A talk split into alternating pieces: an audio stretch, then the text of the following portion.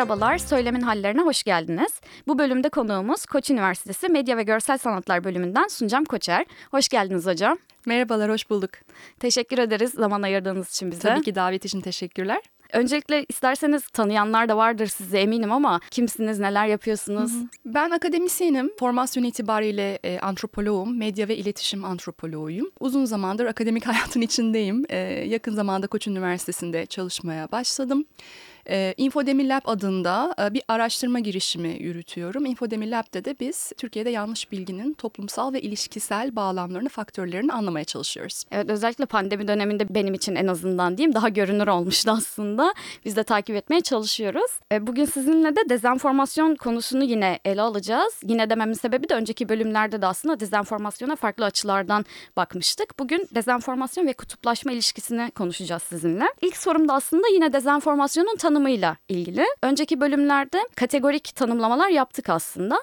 Ama sizin bir yazıda da bahsettiğiniz Newslab Türkiye'de bir yazınız var. Orada e, problematik enformasyon tanımını kullanıyorsunuz. Tanımı orada açıklıyorsunuz ama burada kısaca açıklamanızı istesek ve farklılık olarak yani bu tanımı kullanırsak ne gibi avantajları var? Kategorik tanımlardan nasıl farkı var? E, belki bunları açıklasanız. Çok teşekkürler. En e, sevdiğim soru e, yani bu kavramları nasıl ortaya koyalım sorusu çok önemli. Problematik enformasyonu aslında ta, medya tarihçisi ve kuramcısı Carolyn Jack isimli e, bir birisi e, ortaya atmış 2017 yılında. Ben birazcık taktiksel olarak kullanıyorum o kavramı. Şöyle şimdi yanlış bilgi dezenformasyon dediğimiz şey ya da mezenformasyon, dezenformasyon enformasyon, malenformasyon o üçlü tanım popüler e, olarak biliniyor literatürde. Biz dezenformasyon diyelim şimdilik hepsine birden. Bu küresel bir problem. E, her yerde karşımıza çıkabilen, e, çıkan e, bir problem.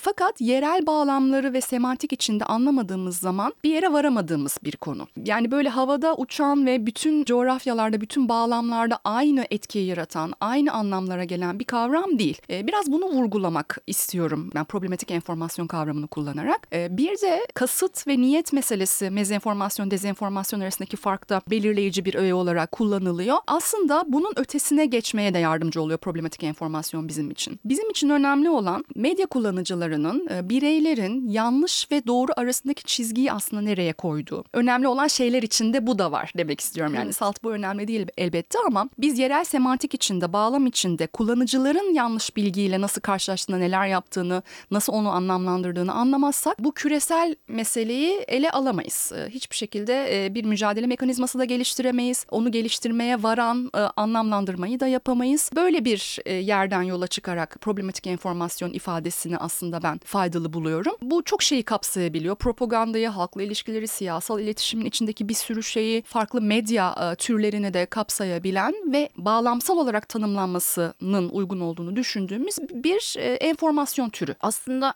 hani bu bahsettiğiniz tanımlardaki ayrım üzerinden niyet tespitini yapabilmek de çok zor. Hani onu nasıl anlayacağız kısmında da e, sıkıntılar olduğu için hani bu kavramın kullanılması orada da aslında işimize yarayacak bir yerde. Bunun yanı sıra zaten kutuplaşan toplumda yaşıyoruz. Özellikle işte seçim dönemindeyiz şu an. E, seçim sürecinde bunun hızlandığını, arttığını da görüyoruz. Bu gibi durumlarda kutuplaşmanın artmasında dezenformasyonun, popülist söylemlerin e, nasıl bir rolü var? Nasıl buradaki ilişki gelişiyor ve aslında o tansiyonun yükselmesinde e, ne gibi rol oynuyor? O kadar iç içe geçmiş şeyler ki birazcık aslında tavuk mu yumurtadan, yumurta mı tavuktan çıkıyor hikayesine kadar bizi götürüyor. Evet. Kutuplaşma ve dezenformasyon birbirini çok besleyen e, bir şey. Biraz aslında sistem olarak ele almak lazım. Medya e, ortamını e, diyelim. Dezenformasyonun olduğu yerde illaki kutuplaşma var. Kutuplaşmanın olduğu yerde dezenformasyon arttığını görüyoruz. Ama sadece bu ikisi üzerinden de anlatmak zor. Pek çok yerde, her yerde dezenformasyon var ve olabilir ama bireylerin, sistemlerin dezenformasyon karşısındaki kırılganlığını biz onun o sistemin özelliklerinin bütünü üzerinden anlamalıyız. Örneğin kutuplaşmanın veya popülist e, retoriğin e, fazla olduğu sistemlerde dezenformasyon daha fazla oluyor. Yani fazlalıktan kastım e, dezenformasyona kırılganlık fazla oluyor. E, yine aynı şekilde e, ayrışmış haber tüketiminin fazla olduğu yerlerde veya kamu yayıncılığının e, zayıf olduğu hatta hiç olmadığı yerlerde dezenformasyon karşısında kırılganlık fazla oluyor. Bir sistemsel bir e, kapasite olarak düşünmek lazım dezenformasyon karşısında kırılganlığı ve yılmazlığı e, bir sistem meselesi olarak düşünmek lazım. Ve popülist sö- söylemin fazla olduğu yerde kutuplaşmanın olduğunu biliyoruz. Ayrışmış haber tüketiminin fazla olduğu yerlerde insanların farklı kutuplara itilip birbirleriyle temas etmemeye başladıklarını biliyoruz. E, Bütün bunlar birbirini etkileyerek e, içinden çıkılmaz bir hale getiriyor ve dezenformasyona karşı kırılganlığı arttırıyor. hem kırılganlık üzerinden bunu tanımlamanızı da aslında çok hani faydalı da buluyorum. Yani bir haberle karşılaştığımızda ona aslında inanma ya da onu hiç o bilgi türünü karşımıza çıkan örneği hiç sorgulama gereği bile belki duymadan, hissetmeden inanma, kabullenme hızımızı arttırıyor. Belki de bu durumlarda ki hani siz de bahsettiniz çok fazla aktörün de sorumluluğu var. Tek başına medyada değil, sosyal medya şirketleri, medya, politikacılar, önde olan figürler. Baktığımız zaman hem kişi ve kurumlara yönelik yanlış bilgi üretiliyor ama aynı zamanda bu kişi ve kurumlar da yine farklı işte görüşler hakkında diyelim yanlış bilgi üretiyorlar. Seçim döneminde özellikle baktığımız zaman siyasilerin demeçlerinde de çokça karşımıza çıkıyor. Hedef gösterilen gruplara yönelik üretiliyor yine dezenformasyon. Bunun ayrıca nasıl ele alabiliriz? Özellikle seçim dönemlerinde bu kırılganlığımız ne hale getiriyor da demek istemiyorum ama farklılaşıyorsa nasıl farklılaşıyor aslında? Biz Türkiye'de seçimleri bir kriz olarak yaşıyoruz ve kriz dönemlerinde yanlış bilgilerin dolaşımı artar. E, bilgiye olan ihtiyaç artar e, kriz dönemlerinde yani. Buna bir başka örnek doğal afetlerdir. Bir başka örnek işte e, salgın hastalıklar dönemidir ve seçimler e, kriz olarak yaşadığımız e, bir dönem. E, dolayısıyla e, bilgiye ihtiyacımız artıyor. Yanlış bilginin dolaşımı artıyor. İnfodemi kavramı buradan geliyor. Aslında pandemiyle özdeşleştirilmiş bir kavram infodemi ama aslında bütün kriz dönemlerinde biz infodemiyi yaşıyoruz. E, yanlış ve doğru bilginin e, beraber hızla yayılımı demek infodemi. Sadece yanlış bilginin yayılımı anlamına da gelmiyor ama yanlışla doğru arasındaki ayrımı yapmamızı zorlaştıran, başka parametrelerin, dinamiklerin o çizgiyi flulaştırmasını getiren e, bir süreç oluyor e, infodemi dediğimiz e, şey. E, seçimde bunun en güzel örneği şu an içinde bulunduğumuz dönem. Burada e, ilginç başka bir şey de e, gün yüzüne çıkıyor. Deprem zamanı da bunu e, gördük, yaşadık. Aslında zaten hali hazırda var olan bir şey ama böyle anlarda görünür oluyor. Dezenformasyonun bir, bir kategori e, olarak karşı tarafı karşı tarafa karşı bir silah olarak kullanılması meselesi. Bir ideolojik işaret haline dönüşmesi dezenformasyonun. Yani işte Ke- Kerem Altıparmak çok güzel anlatmış aslında sizin e, söylemin hallerinde e, daha önce. Ondan daha iyi anlatmama imkan yok ama mesela daha yakın zamanda sanırım dün Sabah gazetesinde bir habere denk geldim. CHP'nin e, troll ordularından e, söz ediyordu. Mesela e, işte e, çok sayıda trolleri sahaya e, sürdüğünden e, vesaire söz ediyordu bu haber. Şimdi bu troll meselesi bile dezenformasyonla ilintili bir e, öğe olarak e, bir ideolojik işarete dönmüş durumda. Olayın kendisinden çok trolü kimin tanımlayacağı ya da dezenformasyonu kimin tanımlayacağı bir çatışma alanı haline gelmiş durumda. Seçim döneminde de iyice bunun artık daha fazla e, gün yüzüne çıktığını e, görüyoruz. Dediğiniz şey de çok doğru. Bilgiye olan ihtiyacımız artıyor. Gündemi daha sık takip etmek istiyoruz. Ne olup bitiyor bir şeyi kaçırmamak istiyoruz. Ama baktıkça da her iki yerden de hem doğru hem yanlış olabilecek bilgilerin bombardıman altındayız aslında. Yani yürütülen seçim kampanyaları vesaire de e, çok fazla tanıtım içeriği de karşımıza çıktığı için hepsi birbirini besliyor. Yani böyle bir ortamda bu kadar bilgiye maruz kalırken kullanıcılar olarak ne yapabiliriz? E, çok fazla bilgiyle karşılaşıyoruz. Bir yandan bilgi edinme isteğimiz e, ve özgürlüğümüz de hani belki bunun altını çizmek de iyi olur yine. Bilgi edinme özgürlüğümüz ne kadar korunuyor?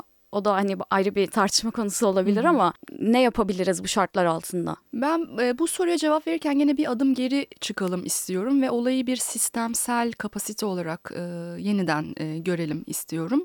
Çünkü bireyler üzerine atfedince bu mesela medya okur yazarlığı Evet. e, çok hani farklı bağlamlarda e, karşımıza çıkan bir şey bir nasıl diyeyim antidot olarak böyle bir e, panzehir olarak karşımıza medya okur yazarlığı ifadesi çıkıyor ama yüzeysel kalabiliyor e, bu tarz e, çözümler.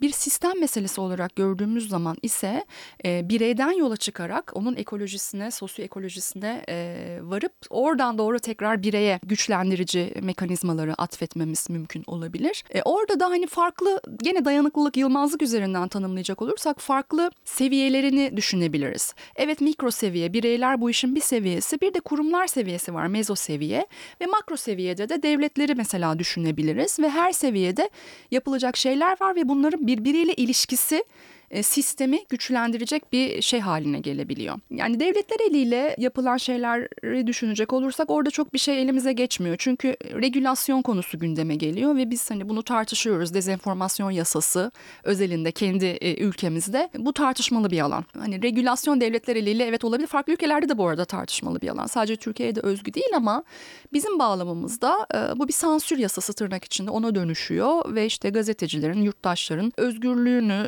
e, söz söyleme hakkını, e, haber yapma hakkını, habere ulaşma hakkını vesaire kısıtlayan, elinden alan bir mekanizmaya dönüşüyor. Peki kurumlara geldiğimizde orada mesela sosyal ağları e, gündeme getirebiliyoruz, e, platformları. Bir, bir takım öz denetim mekanizmaları gündeme gelebilir belki. Orada da sıkıntılar var. Bir bazı etik kodlar ya da code of practice diyebileceğimiz hepsini kapsayan şeyler üzerine çalışıla geldi Avrupa Birliği ülkeleri kapsamında mesela. Ama onların da kapsayıcılığı tartışmalı. İşte platformların e, sağlarlığı çok farklı birbirinden ve hangisini nasıl regüle etmek mümkün ama var yapılan şeyler işte içerik moderasyonu olsun, bu etik kodların e, yapılmaya çalışılması olsun, bir takım uyarı mekanizmalarının gündeme gelmesi olsun. Bunlar önemli adımlar ve daha çok arttırılması gereken adımlar ama daha böyle e, negatif, pesimist bir yerden bakan birisi de bu işin mimarisine karşı yani iş modeline karşı şeyler bunlar. O yüzden hani bir yere varılamaz bunlarla da diyebilir. Tartışmalı gene. Kurumlar seviyesinde yapılabilecek başka şeyler de var ve yapılıyor. Örneğin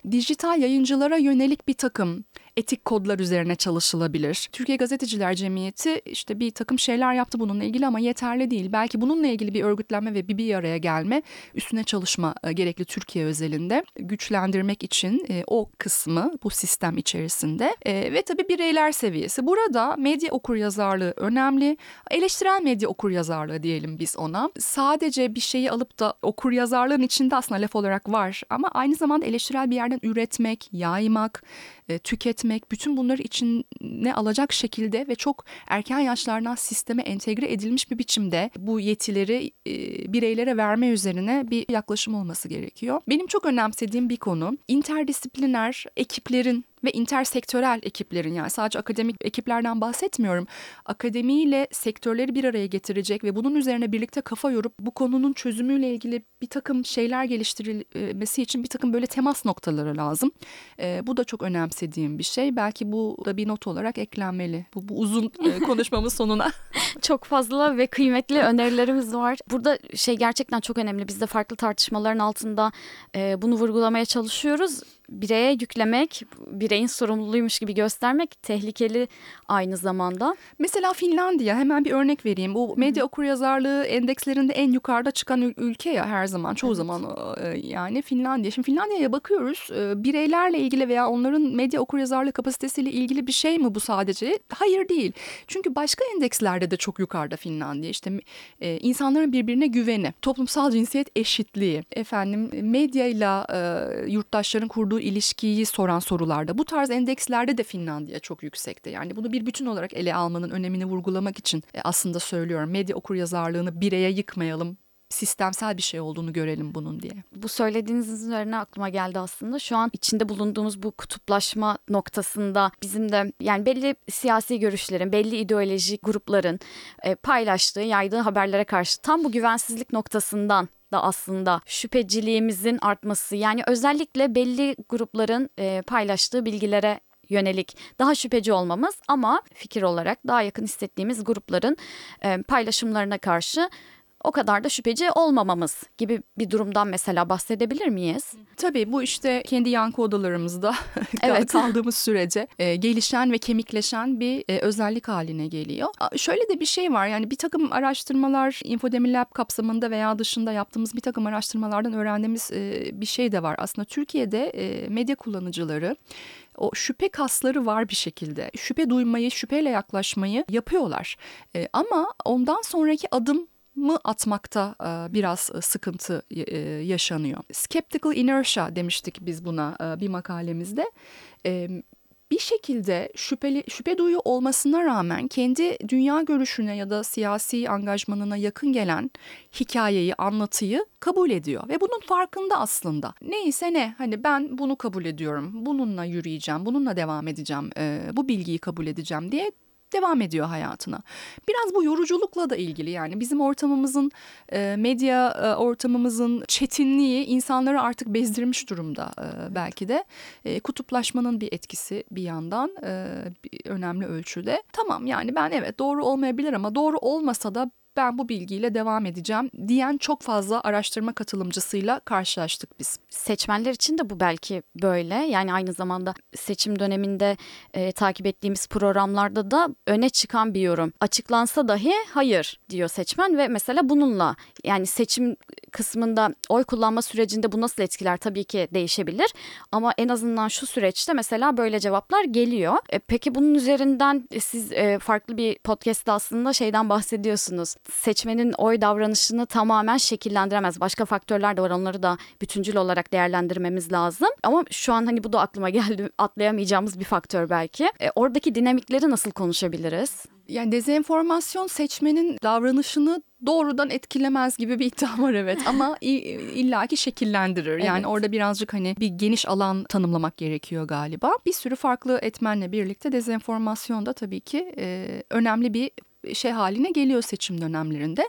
Ama e, benim aslında daha çok vurgulanması gerektiğini düşündüğüm şey dezenformasyonun yurttaşlık kültüründe yarattığı dejenerasyon ve aslında demokrasinin kurumlarının artık e, geçerliliğini, e, yurttaşların zihnindeki ağırlığını, önemini kaybetmiş olması. Kurumlarla kurulan ilişkinin güven, ilişkide güvenin bir parametre olmadan çıkmış olması e, gibi şeyleri daha aslında hani bu seçim evet önemli kritik bir seçim ama onun da ötesinde etkileri var e, dezenformasyonun ve daha katman katman önümüzde açılan gündelik yaşantımızı, siyasi kültürümüzü etkileyen bir takım etkilerden söz ediyoruz biz burada aslında. Daha büyük bir ve karmaşık bir süreçten belki evet. de bahsediyoruz. Ki hep seçim diyoruz, seçim sürecine odaklanıyoruz ama seçim bittikten sonra da nasıl sonuçlanırsa sonuçlansın dezenformasyon bir problem olarak bizim hayatımızda olmaya devam edecek. Aynı şekilde kutuplaşma da hemen şık diye çözülebilecek değil aslında. Yani bununla yaşamaya devam edeceğiz, etkilerini de görmeye. O anlamda haklısınız. Toparlayacak olursak toplumumuzdaki kutuplaşmayla üretilen yanlış bilginin de e, çeşitli şekillerde iç içe geçtiğini e, yine görmüş olduk ve tabii ki farklı aktörlere farklı derecelerde sorumluluklar düştüğünde e, yine hatırlatmış olduk. Ağzınıza sağlık hocam. Çok teşekkür ederiz. Ben çok teşekkür ederim bu keyifli sohbet için. Bir sonraki bölümde görüşmek dileğiyle. Herhangi bir sorunuz, öneriniz ya da Suncam Hoca'nın belki paylaşacağı kaynaklar olabilir. Onlar için bize podcast.hrantling.org adresinden ulaşabilirsiniz. Görüşmek üzere.